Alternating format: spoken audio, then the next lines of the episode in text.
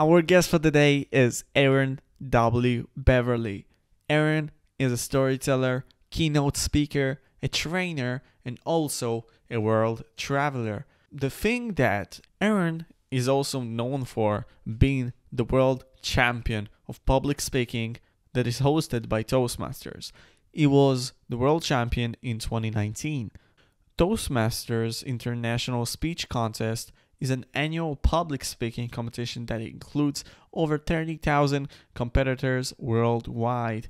And in 2019, as I said, he won it uh, in a speech that was titled An Unbelievable Story. And in 2016, for those who don't know, he won the second place in a speech called 57th World Title Speech.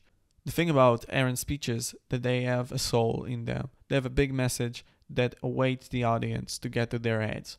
And that's what Aaron does.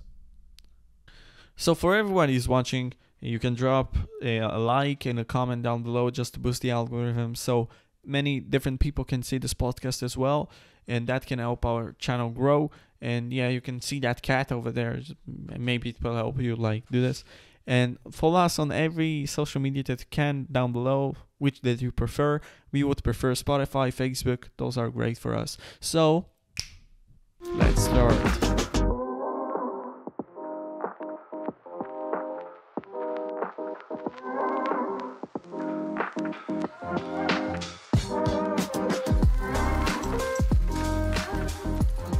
first of all, when I saw you at uh, 2019, uh, that was the first time I really saw you. Um, because the YouTube algorithm just recommended me you. And the thing yeah. is, when I saw your channel, like when it actually started like evolving in 20, 2020, I saw a lot of tips and a lot of things that helped me, the average Joe, uh, to maximize who I can be in terms of public speaking, and also communications.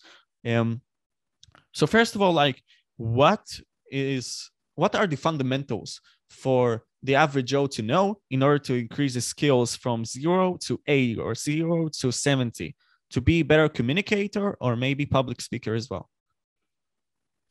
Well, there's a lot that can go into the fundamentals of public speaking. But the one thing that I just tell people from the get go is just start, just start, just start, just start.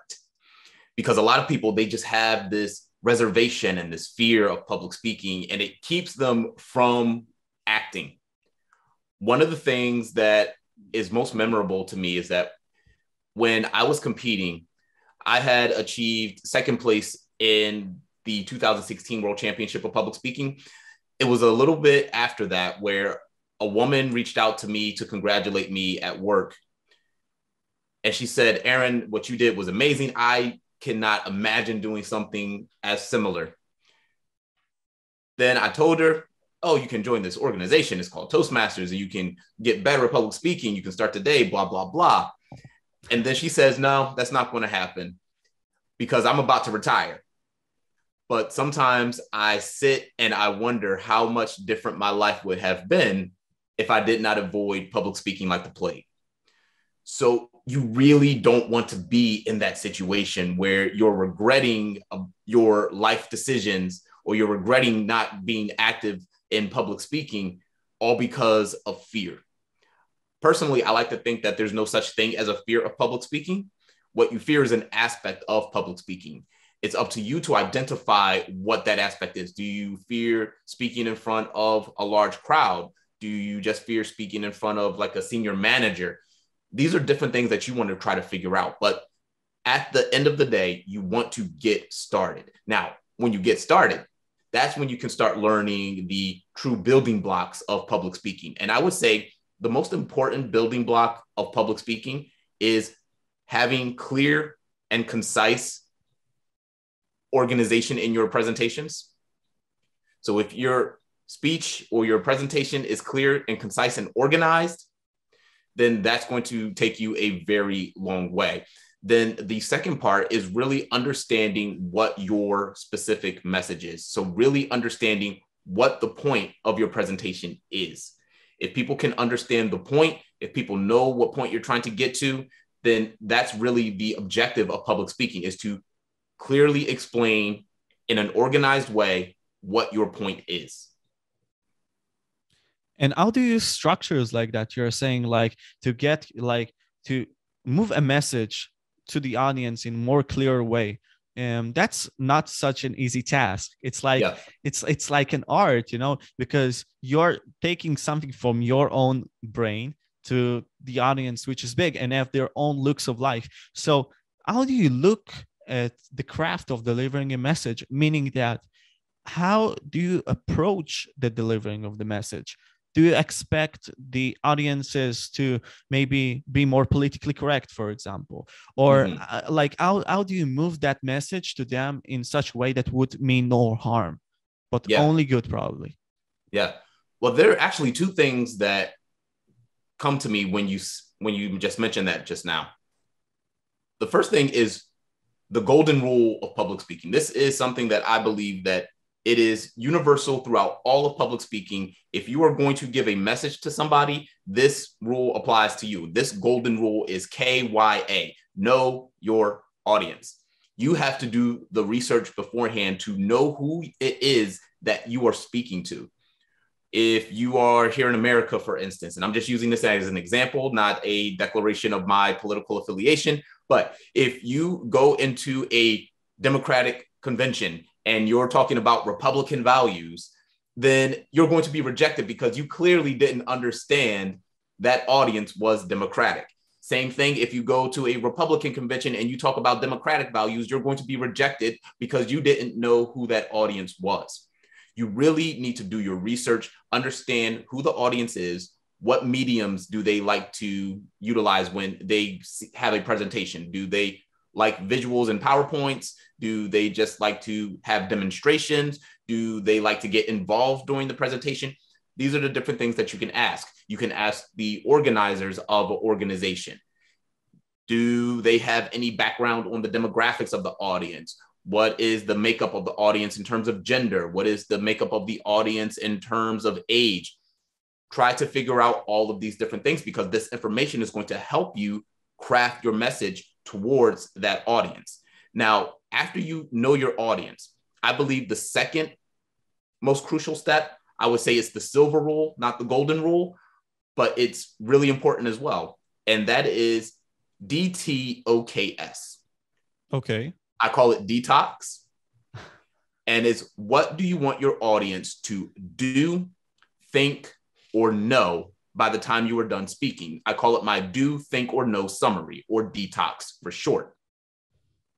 And the reason why I call it detox is because as you are preparing your presentation, just how a body detox cleanses the junk out of your body, a speech detox or a presentation detox is going to keep the junk out of your presentations. So when you are answering this question of what you, do you want the audience to do, think, or know, you are going to answer that question in 10 words or less. And that's really going to help you refine your message and really understand what point you're trying to get to the audience. Now, as a fair warning to people who are jotting this down, I will tell you that it's listed in order of priority. So, doing is the strongest action that you can possibly have. If you want your audience to do something specific, if there's a decision that you want them to make, if there's an action that you specifically want them to take after you're done speaking, you need to define what that is, and it's going to be the strongest action that you could possibly think of. Thinking is the second is the second highest in priority because you're going to want to change somebody's opinion from one way of thinking to another way of thinking. Knowing is the weakest of the actions because if you just want somebody to know something, okay, you just told them. That's it. Now what? The only reason why no is in there is because number one, it makes the acronym work a little bit better. Detox sounds a little bit yeah, better. Yeah, makes sense. Another acronym that I could have used. But also, there are occasions where you just need to share information. You don't need your audience to do anything with it. You just need to tell them that's it. But try to not prioritize knowing because it's the weakest action and it's the most general action. If there's something specific that you want the audience to do, that's going to be the highest priority. If there's a certain way that you want them to think, then that's going to be the second priority. Wow, that's absolutely fascinating because I, will I'll give you an anecdote. Like in my way, uh, in school, I tried to deliver a message, for example, about I had a presentation about uh, Albert Camus. He's a philosopher, and he's talking about the existential like problems of us and this and that. And you know, when you are talking about being a rebel, like in my uh, instance, and talking about this message of living life and all of that, it's in my opinion, it's hard to do call to action because you're mm-hmm. talking about people's lives and how they need to change it actually. Not to change it like in an instant but change it gradually. But that's hard because you're going to people's souls. So how do you encounter those problems in your speeches of for example race that you gave and all that? Because those are fundamental problems that trigger us on everyday basis like po- the political problems like the mm-hmm. everyday problems that we have actually yeah no absolutely. You're definitely right there. And you've alluded to it a couple times already. It is definitely an art. It's not a hard science. So a lot of it comes from again knowing who your audience is and what you can say and what you shouldn't say. Then the other part of it is to if you have a political message for instance try your best to not make it as political as it could be so you want to try to find a theme or a universal connection that can connect everybody so that we can all get on one page for instance my 2019 world championship speech i do talk about race i do talk about acceptance but i tell it via a story. I tell it in a humorous way. So that way I'm kind of taking out the heaviness of it without taking away the seriousness of it. So mm. I'm telling you my story and then I'm giving you a very serious point at the end. And it's a message that everybody can get behind because it's a universal message of accepting people despite their differences. And it's something that is still relevant to this day it's going to be relevant forever, in my personal opinion. But when you're giving a message and you're telling a story like that, you're talking about something more personal, you're talking about your experiences. And if you're able to do so in a way that's provides some levity, then you can do that as well. But the key is to try not to make it as hardline political and say, this side is wrong.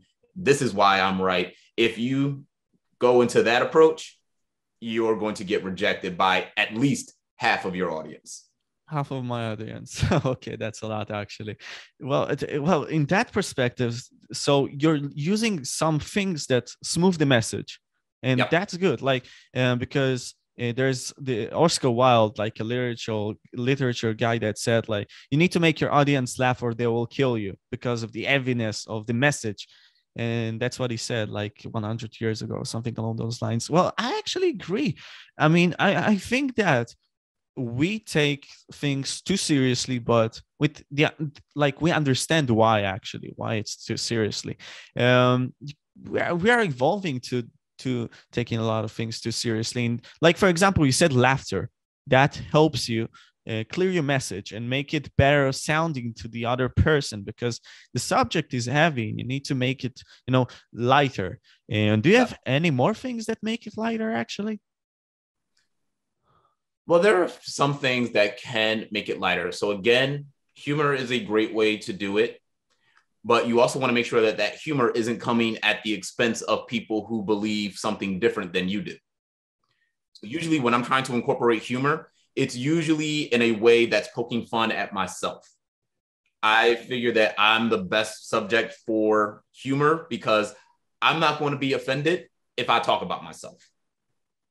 Yeah, so makes it's sense. A little bit easier to talk about yourself rather than other people. Now, other ways that you can do it is again, not going down the line and picking a side. So you don't want to pick a side and say this side is right, this side is wrong. That's the end of that's the end of it. That's the end of the argument. No. So you want to try to be as objective as possible. So try not to make assertive statements that will clearly put some people in one box and other people in another box.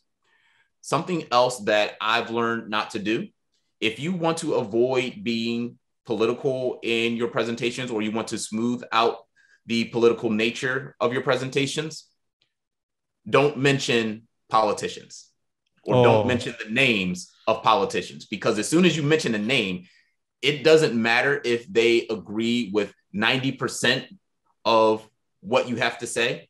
Because you mentioned that name, they're going to place you in a box and say, oh, you like Barack Obama. So I'm going to consider you a Democrat. I'm a Republican. So I'm not going to listen to anything that you say. And then on the other side, oh, you like Donald Trump. I'm not going to listen to anything that you have to say because I'm a Democrat and Donald Trump is the devil, blah, blah, blah. See, that's the type of stuff that you don't want. And it all comes from mentioning a name. There was something that I was watching earlier today, and it was from a Republican man, and he was expressing his views. And I was thinking to myself, you know what? I agree with you. But it if it was somebody else, maybe they see that, oh, he's a Republican, he's a conservative, they're not going to agree with that instead of listening to what it is that he's saying. So it's really hard to see a politician and not put them into boxes. So you want to try to avoid those names because that's going to put you in the same box because everybody doesn't have that objective thinking that you may have. And they're going to put you in a box as soon as they hear a name. Hmm. So it's about categorizing you from the get-go so if you say those names they will categorize you that's interesting how much does an audience have like um, power over you in a speech like if, if for example you give a i don't know a good speech about uh, let's just say not even politics but some like the vaccines or something along those lines. You're giving something funny. You're just delivering yeah. it for example. How much the audience has an effect on the speech being better or being good? Like do they like how much do they have power? Because of course they have power but how much in the speech? Well honestly i think that the audience has the most power in the presentation because they're going to decide if the presentation was good or not but it's up to the speaker to find that right audience. So we keep coming back to that golden rule, KYA, know your audience. You as a speaker have to find your tribe. You have to find the right audience that wants to receive your message or is that is going to benefit from your message. I'm not going to go into a hostile environment with a message that I know is going to be rejected just so that I can get some exposure. I don't want that type of exposure. I want to find the people who I can help. It's just like how you want to find your certain niche if you're on YouTube. You can't just start YouTube just doing every single thing and think that you're going to become a YouTube star with millions of subscribers because you're catering to every single person. If you cater to every single person, nobody's going to like what you're doing. So, will you do a target, for example? That's interesting to me. In your uh, your own channel, um, do you have a targeted like audience that you want to bring to your channel? Because, as you said, like uh, for me as a podcaster, I, I have that problem actually. I'm yeah. I'm looking for young, not not young teens, but above eighteen that are also critically smart and also uh, curious about the world. There, I, I think it's too broad. So in your example, put it into perspective for me so I can understand what it means to go for a niched audience. Yeah. So for me, it was fairly easy because I knew that my topic was going to be public speaking. But public speaking in itself is still very broad. So I had to try to figure out who I can help with certain videos with public speaking. So there are some videos that I release that are going to be catered toward beginning public speakers. And I know for this video, I'm going to be helping a person who's just starting out with public speaking. So, what does that person need to know about? They need to know about what the fundamentals are. They need to know about how to get over the fear of public speaking. So, I make content for that. Then you have a different branch, a different group of people who I can help. These are Toastmasters. And Toastmasters are very contest focused at a lot of times. So I make speech contest content as well, giving tips on how to compete in a speech contest. And it's still valuable for people who may be beginning public speakers, but it's specifically catering to the need of this target audience, but still within the theme of public speaking. Now, I haven't gotten to this point yet, but when I start making more advanced content or advanced public speaking techniques for maybe professional speakers, that will be for that specific audience, but it's still going to be within the realm of public speaking. So I feel that you can start broad. And then as you go down and you create certain videos, who within that broad umbrella that you have can you help? and it's going to be more so of a piece of content by piece of content perspective rather than a channel perspective or a podcast perspective wow okay that's powerful actually so you target broad but you focus uh, then on the tree on a specific tree you know to grow the roots bigger or to grow exactly. The, yeah so wow that's actually good advice because you know many of us uh, as people miss the cake on it miss the cake on targeting the proper audience to increase our growth. So yeah, I actually agree with you.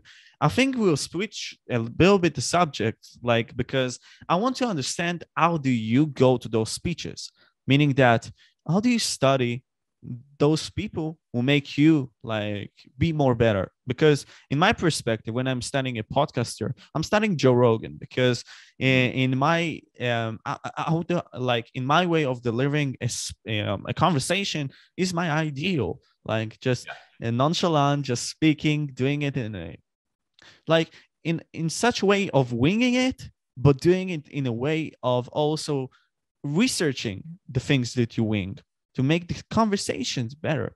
Well, how do you approach studying those people? Like approach studying those, in my example, Joe Rogan, but in your example, it's like maybe the Barack Obamas, if I'm not mistaken, or those people. So explain it to me. Yeah, sure. And you're actually alluding to it a little bit with what you were just saying there. You start okay. by focusing on people that you admire and like. Mm and then you dive a little bit deeper. What is it that I like about this person? Don't just say that I like them. What is it specifically that you like about them? Mm. And you just mentioned that the more casual nature of the conversation, that's something that could prompt you to say, okay, now how do I make my podcast more conversational? Same thing with me. When I first got into public speaking, I started watching other public speakers and I would really be attracted to those speakers that seemed more conversational in their presentation. Perfect example is this is a guy by the name of Kwang Yu Yang. Mm. He was in the 2011 World Championship of Public Speaking that Toastmasters holds. And Kwang had this story and it just seemed so engaging. It was so conversational. And I thought to myself, I want to give a story like this. I want to tell a speech like this. And that got me interested in competing, number one, but it also got me thinking, how can I start to tell a speech like that? It took me a while because I had to find my own style and I had to learn from other people. So there were certain aspects of other speakers that I liked and I wanted to incorporate things that they did, not necessarily stealing what they did, but just trying to learn the techniques that they were using and trying to shift those techniques to my my style and to my stories. And it takes a while. You have to be a scientist if you will when it comes to speaking. And uh, there's a quote that i absolutely love. Uh, sometimes you have to play a long time before you start playing like yourself. That's from miles davis well, and okay. he's speaking about music and jazz, but it really applies to anything in life. If you are passionate about something, just start doing it and you can try to emulate other people that you admire, but it's going to take a while before you start to learn different things.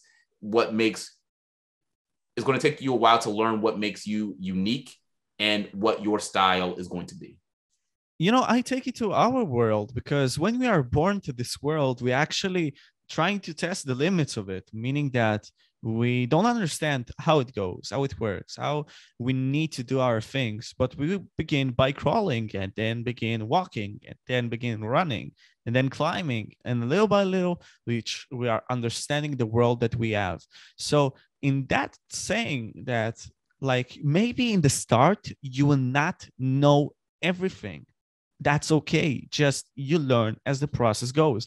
The journey is important. So like in in that perspective like we you have been like how many how much time in public speaking? Like 14 years 13 years something along those lines?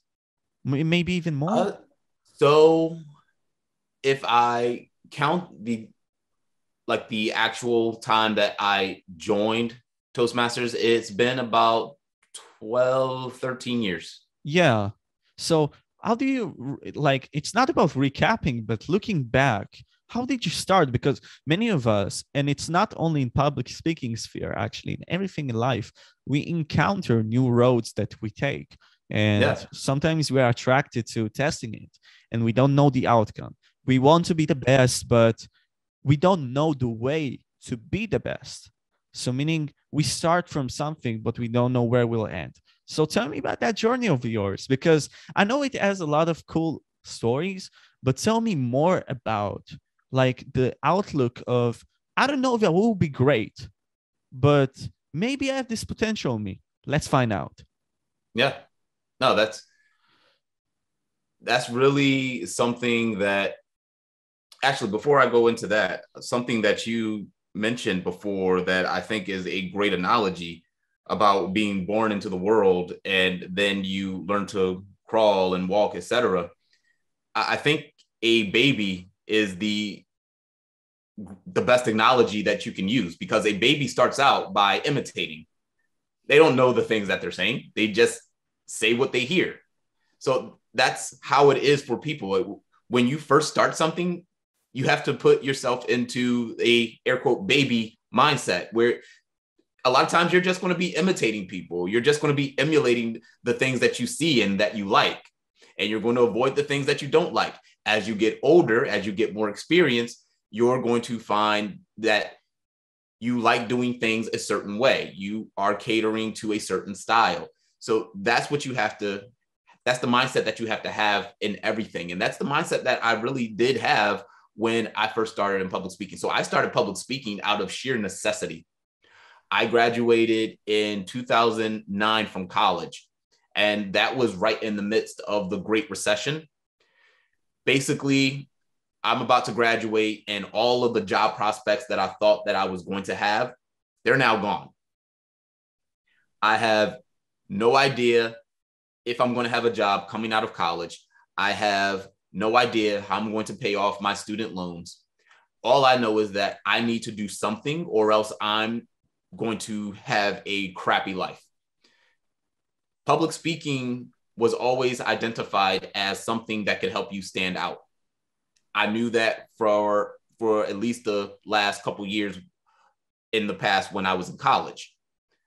So what I did, I just decided to say, you know what? I'm going to join this organization called Toastmasters. And for people who don't know, Toastmasters is an organization that is worldwide. It's in hundreds of countries around the world. And their goal is to help people improve their public speaking skills and their leadership skills so that they can improve their life, their career aspects, et cetera, et cetera. I joined Toastmasters in 2009. When I joined Toastmasters in 2009, I was a person who did not like public speaking. I hated public speaking. I wanted nothing to do with it. I wanted to be the person who would stand in the background and just be silent. That was where I was most comfortable. That was my comfort zone. But I knew if I wanted to have a better life and wanted to stand out above the crowd, I had to get public speaking under my belt. So I joined in 2009 and I just started practicing and I started emulating the people who I liked.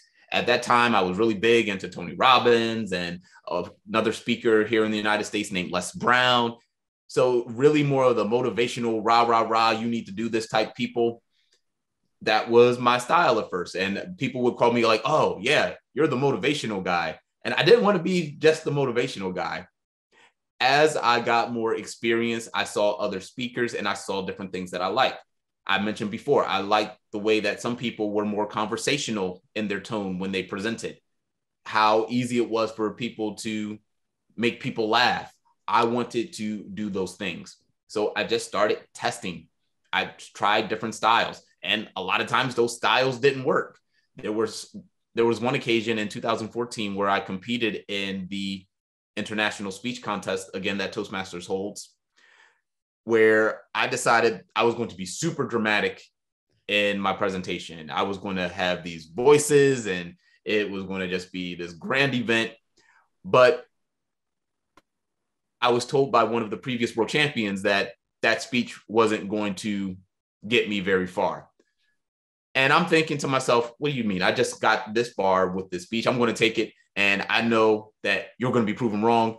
And he wasn't proven wrong. He was proven 100% right. It didn't go over well at all.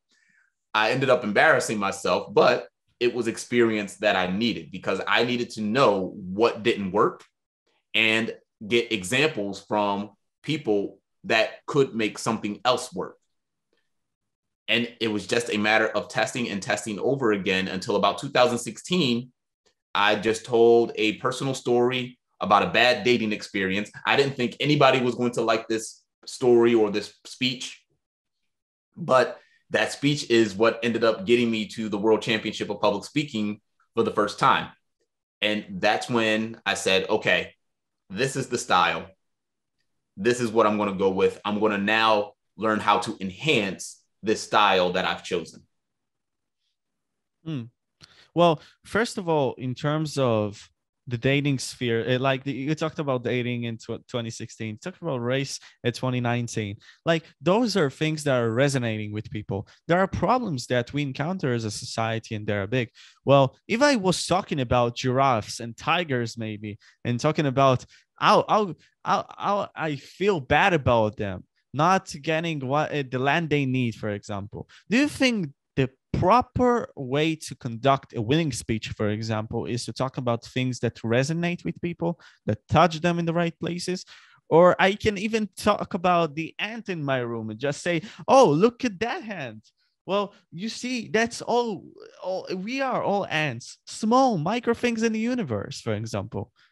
So yeah, I would like to hear that because actually I think that's the resonating is super important. No, resonating is I would say most of the the mission.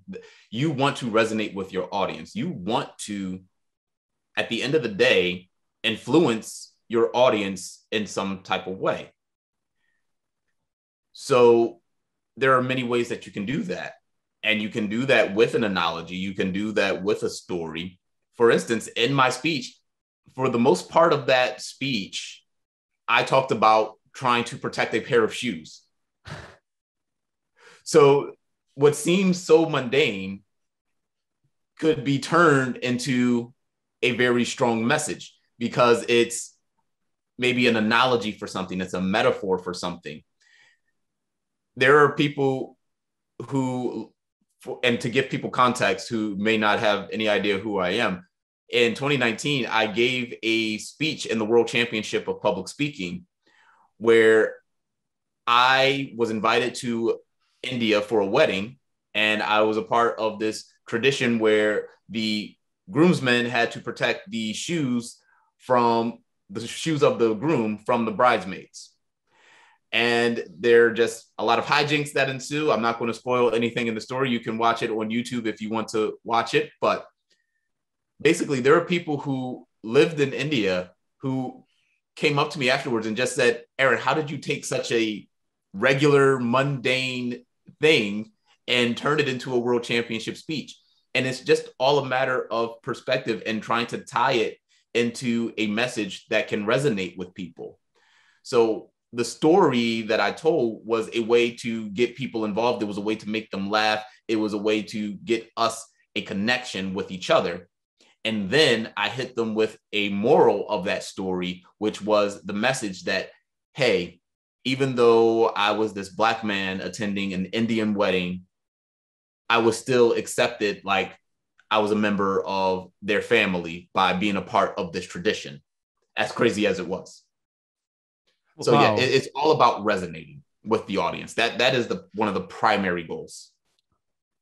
Yeah, and you talked about it about gaining experience and just learning the craft from the other people, like the the people who who won the thing, who came to the mountain, who won, who was on the mountain, on the top of the mountain, and like when you, when you were there, when you saw them, when you were near them, what is the best advice you received from those people or a couple of best advices?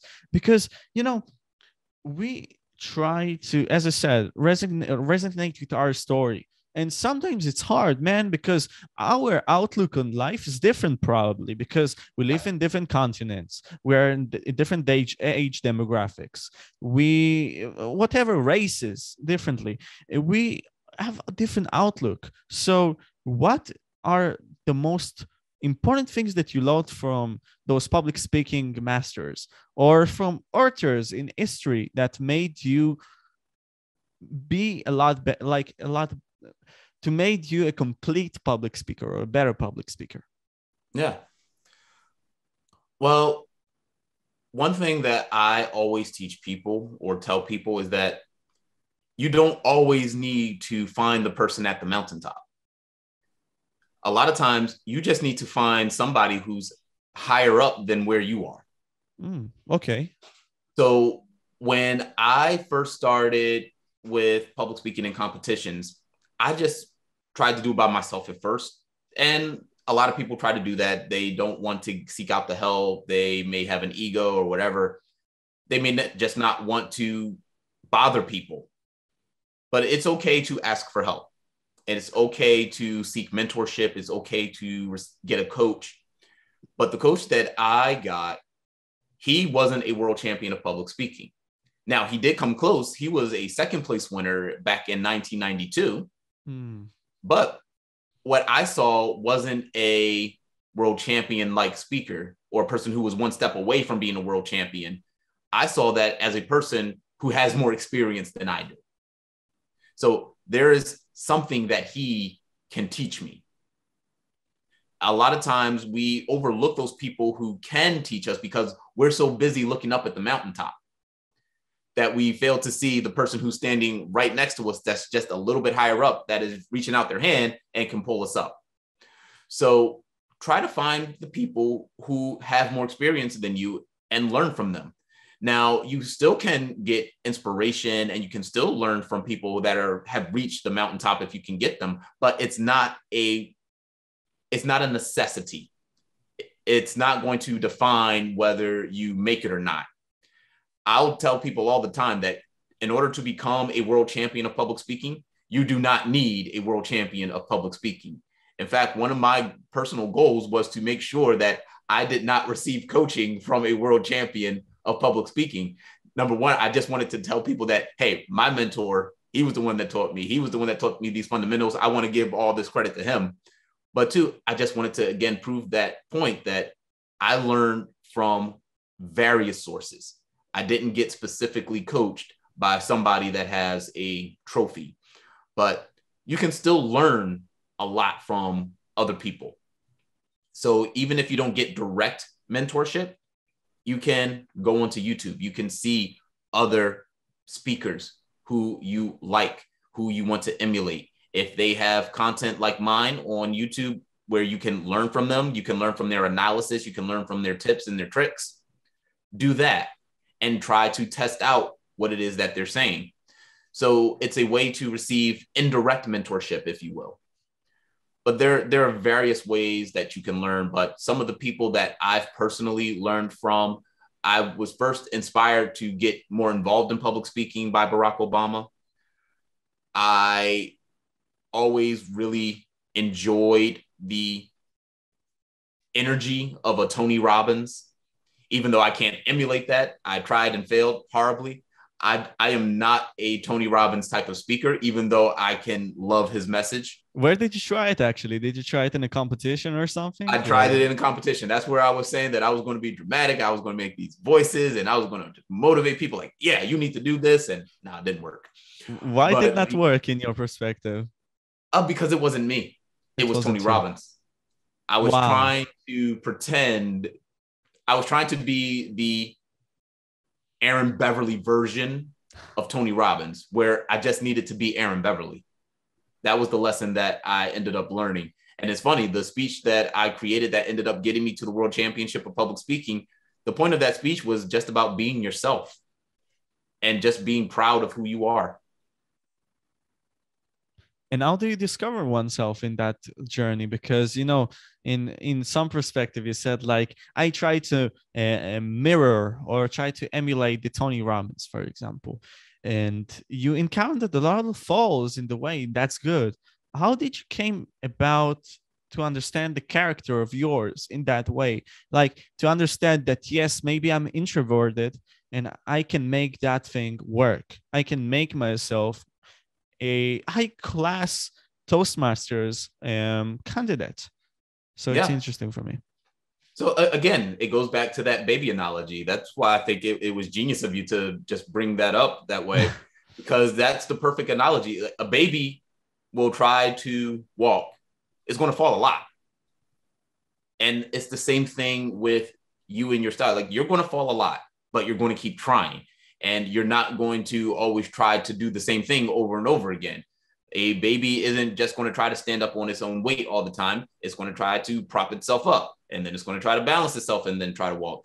There are various ways that it's going to try, but at the end of the day, it's going to start walking.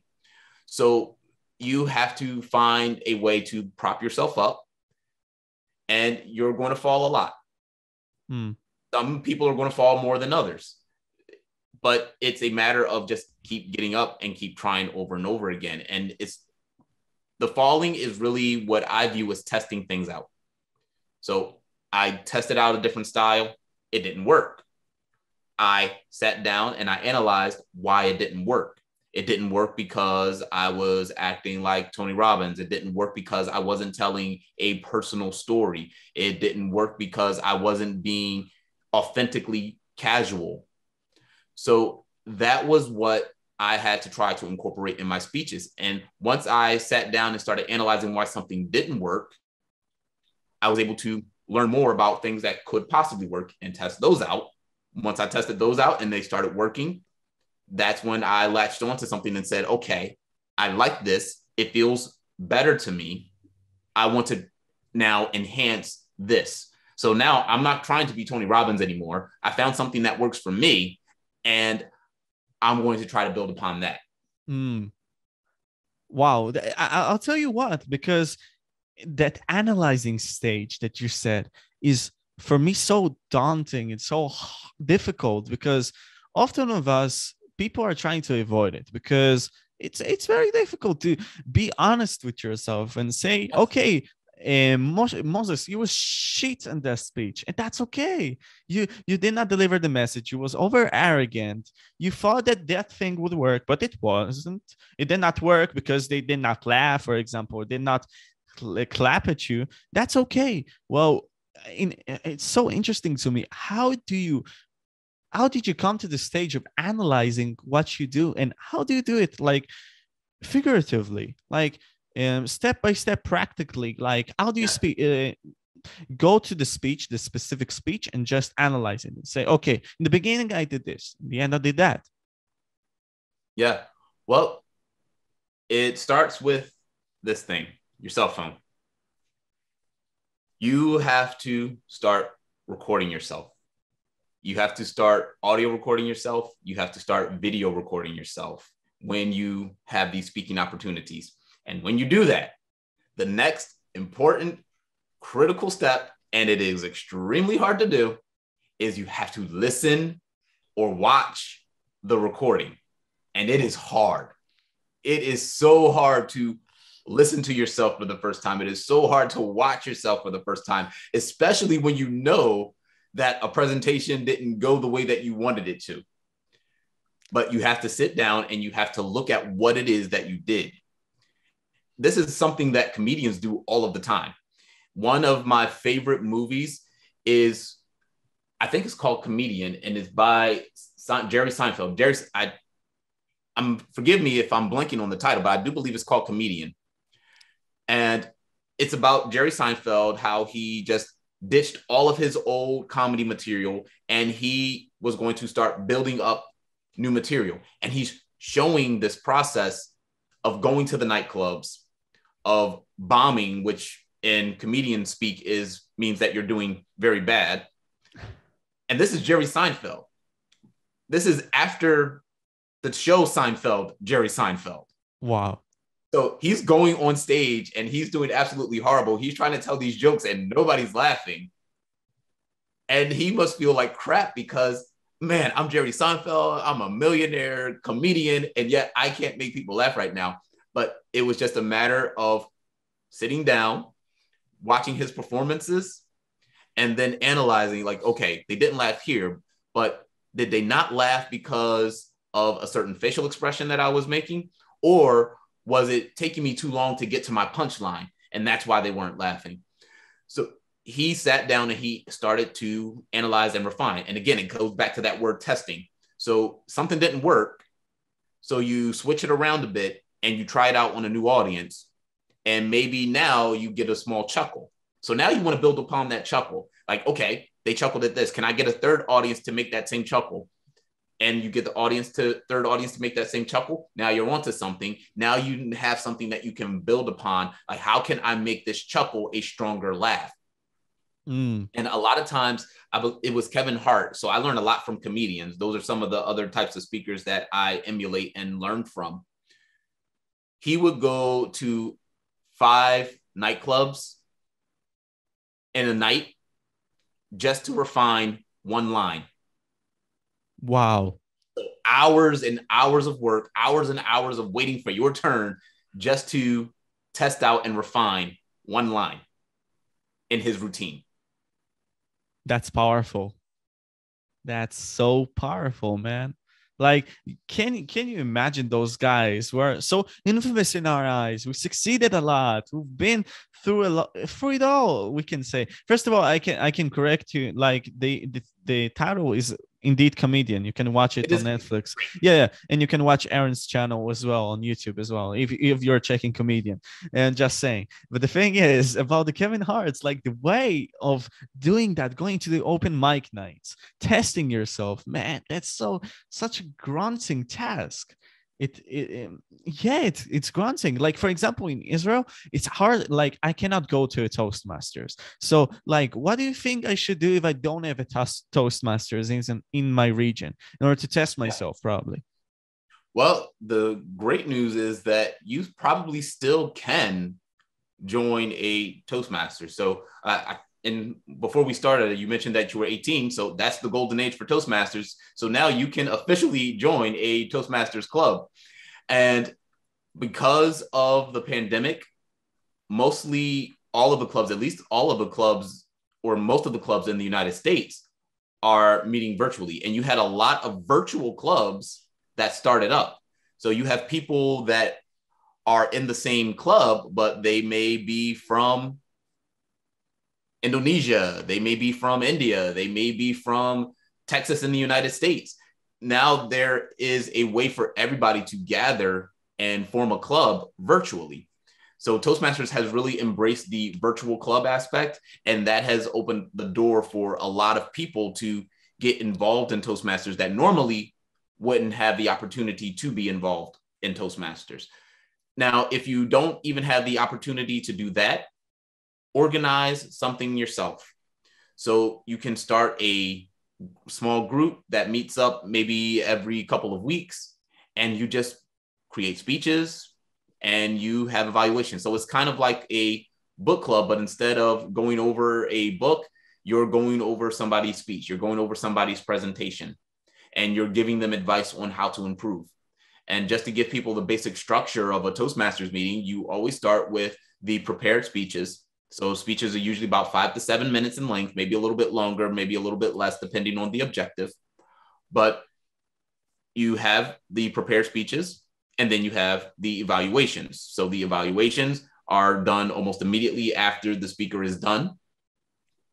And the speech and the evaluations can be done by one person or it can be done by a group of people who can offer feedback and their suggestions, their thoughts and opinions And then you have another section of the meeting, which is called table topics, which is impromptu speaking. So you just get a prompt and you speak about that prompt. You don't know what it is beforehand. You need to speak on it for one to two minutes.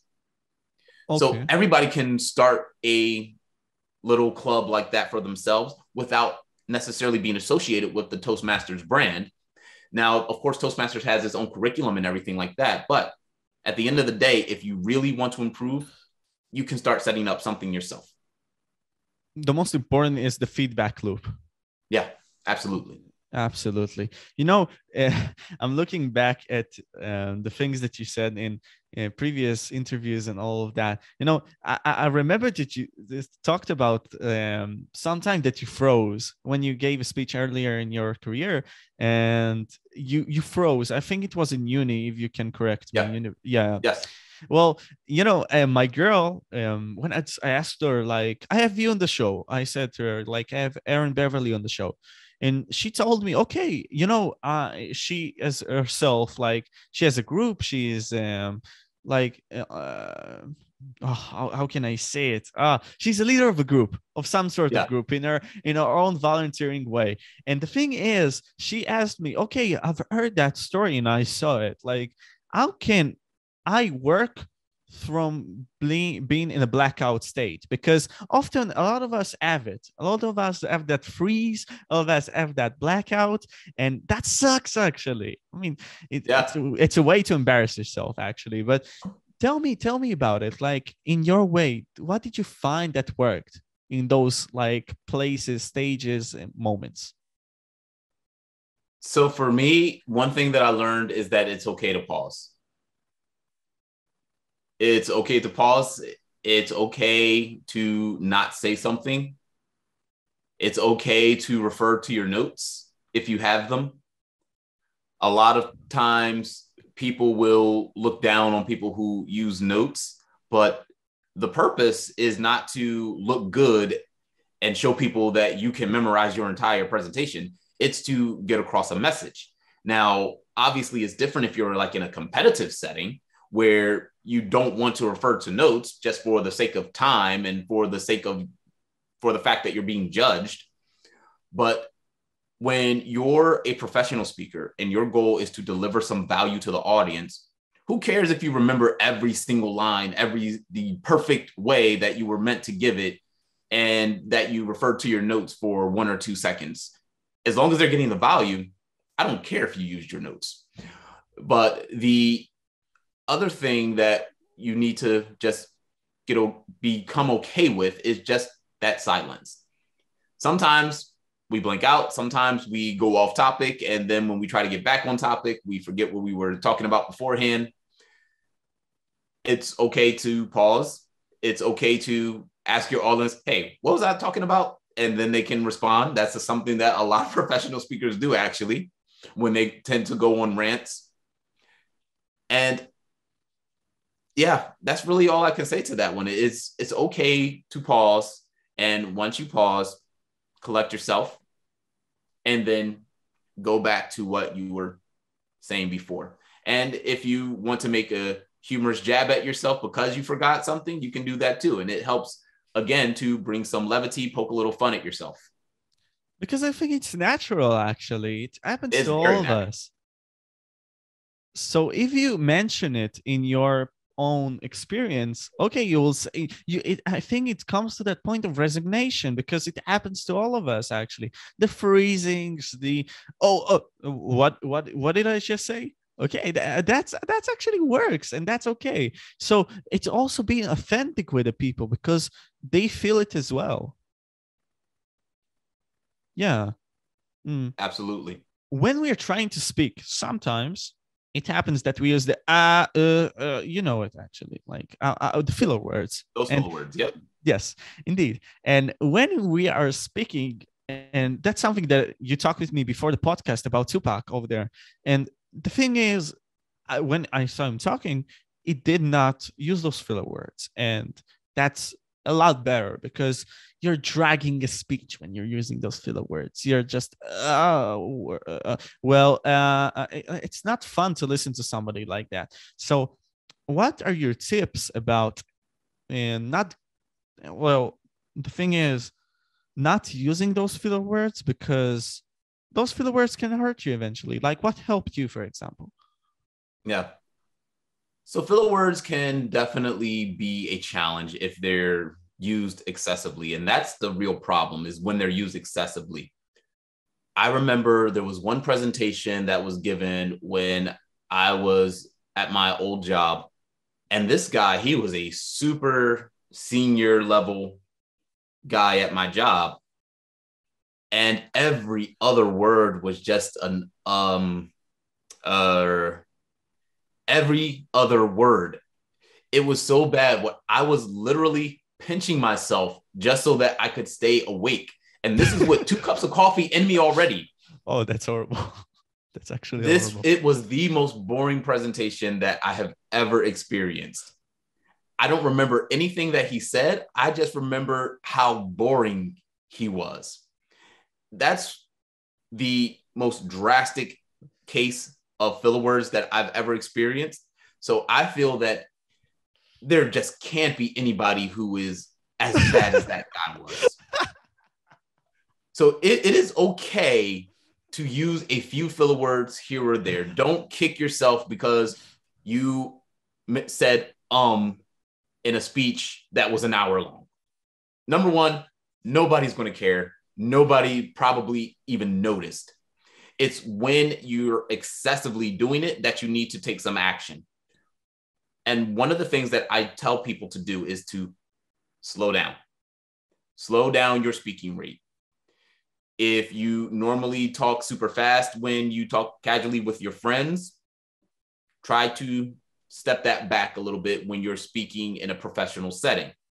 And it's not a matter of you can't do it, you can't speak fast or faster anyway, is that you don't want to have an occasion where you fumble over your words, you say something that you shouldn't have said, all because your brain and your mouth weren't syncing. So I feel that when you slow down and you consciously slow down, those filler words will decrease exponentially.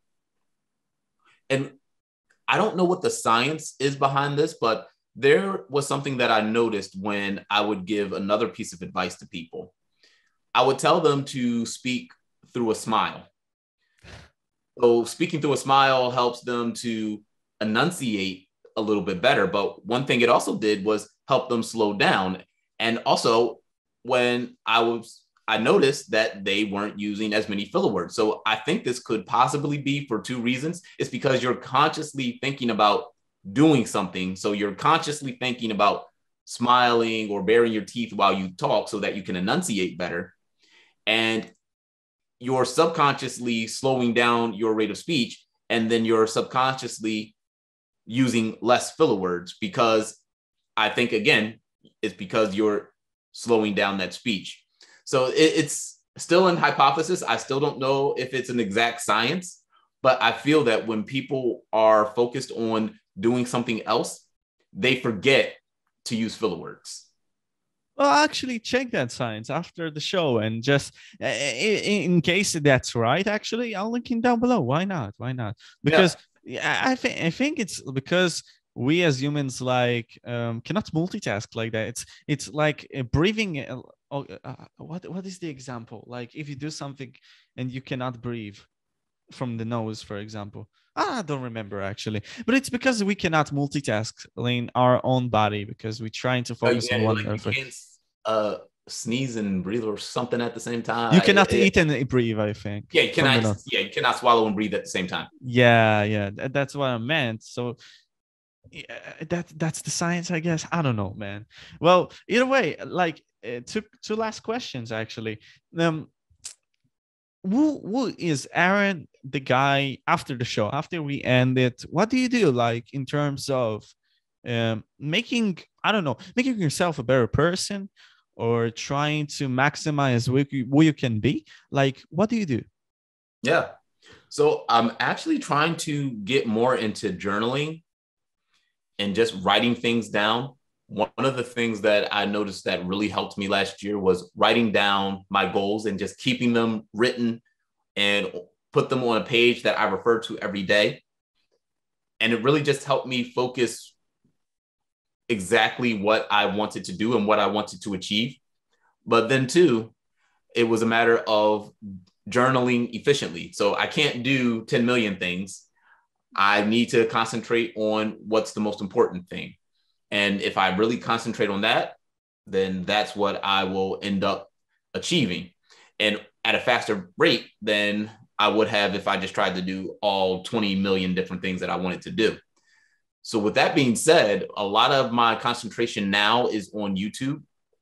I'm putting a lot of focus into getting better with that. So, that's what my journaling is about. Just how can I grow my YouTube channel? How can I become a better teacher of public speaking topics? What other topics can I teach?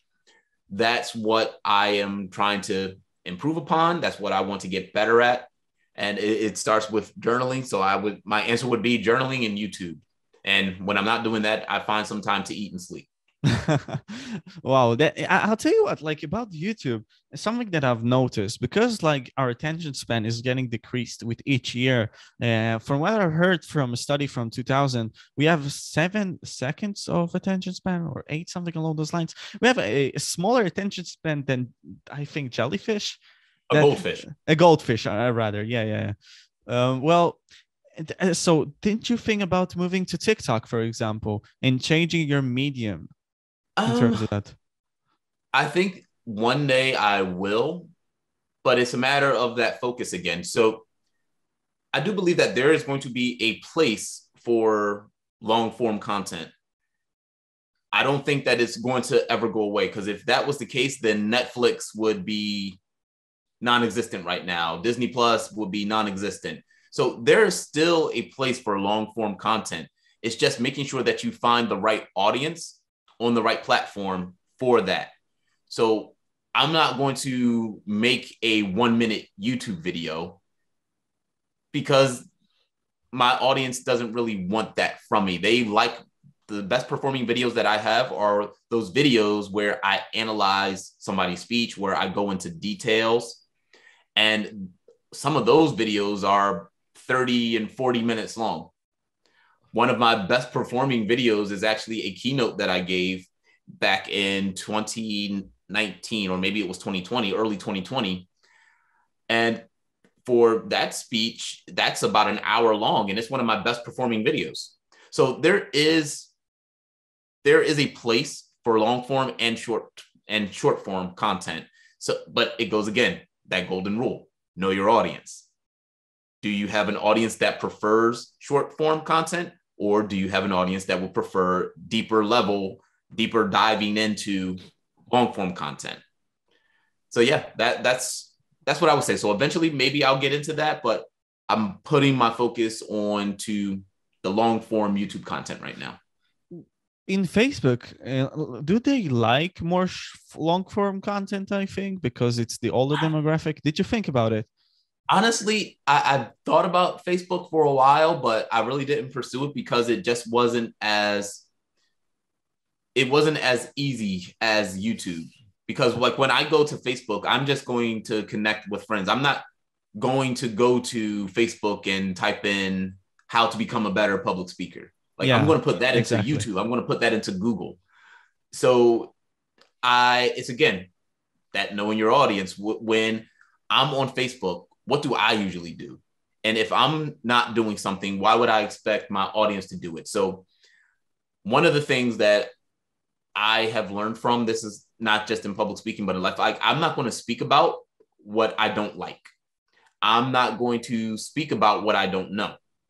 So, I'm not going to, and in the same vein, I'm I'm not going to pursue something that I don't like. I'm not going to pursue something that I myself would not do. I'm not going to sell something that I wouldn't buy myself. So that mindset is something that I keep every single in almost every single thing that I do. Because you're at a stage that you know oneself, that you know mm-hmm. who you are, and that's critical to know. Well, as a final question, actually, is knowing one thyself. Um, what is the advice that you can give to um, young adults or um, like 30 to 20 years old like those people who try to make the best out of themselves. Like what is the advice you can give to them in order for them to maximize what, who they can be and live probably a better life from your own perspective? Yeah. The answer to that for me is communication and speaking. I didn't go to an ivy league college i don't have a master's degree or a phd i'm not a doctor a scientist or anything like that i just really dove into learning more about public speaking and how to articulate my thoughts and opinions to other people. And that has taken me a very long way. I've gotten to travel around the world because of public speaking.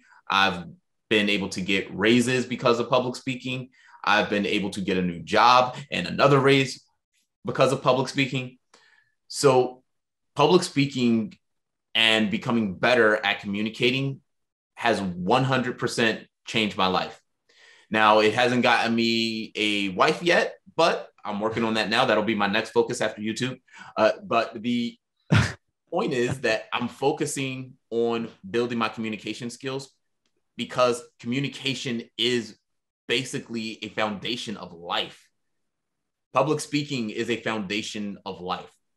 And if you can master that, you're going to have a really good life. You're going to have a really good life by mastering communications. Well, that's powerful, man, because it's what we do in everyday task. And that's what we do right now, actually, talking in a casual way, also.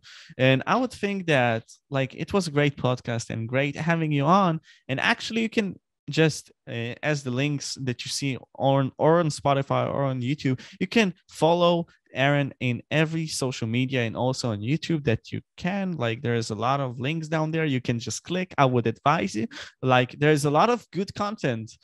You know, you know what? Not not uh, some a lot of Aaron's content is so good that I would advise you, for, even for the average Joe, just to connect there and just to click on the video and watch it. They're so high quality, in my opinion, because Aaron gives you that experience and just gives you also that funny touch that we talked about in the beginning of the video and does it in a comic, com- comedic way a uh, comedic way. How, how, how, do you say? Comedic, yeah, Com- yeah, comedic way, yeah. And also the the analyzing of the speeches, yeah, they are also great. Well, thank you for being here, and also, like, do you have a final message for the audience, maybe? Yeah, and that is just go out and speak. Yeah, go out and speak. that that was me, We Talk Podcast Moshe, and that was Aaron Beverly. And you can also follow him on his YouTube channel that we talked about. That's it. Bye. Well, let me just finish it.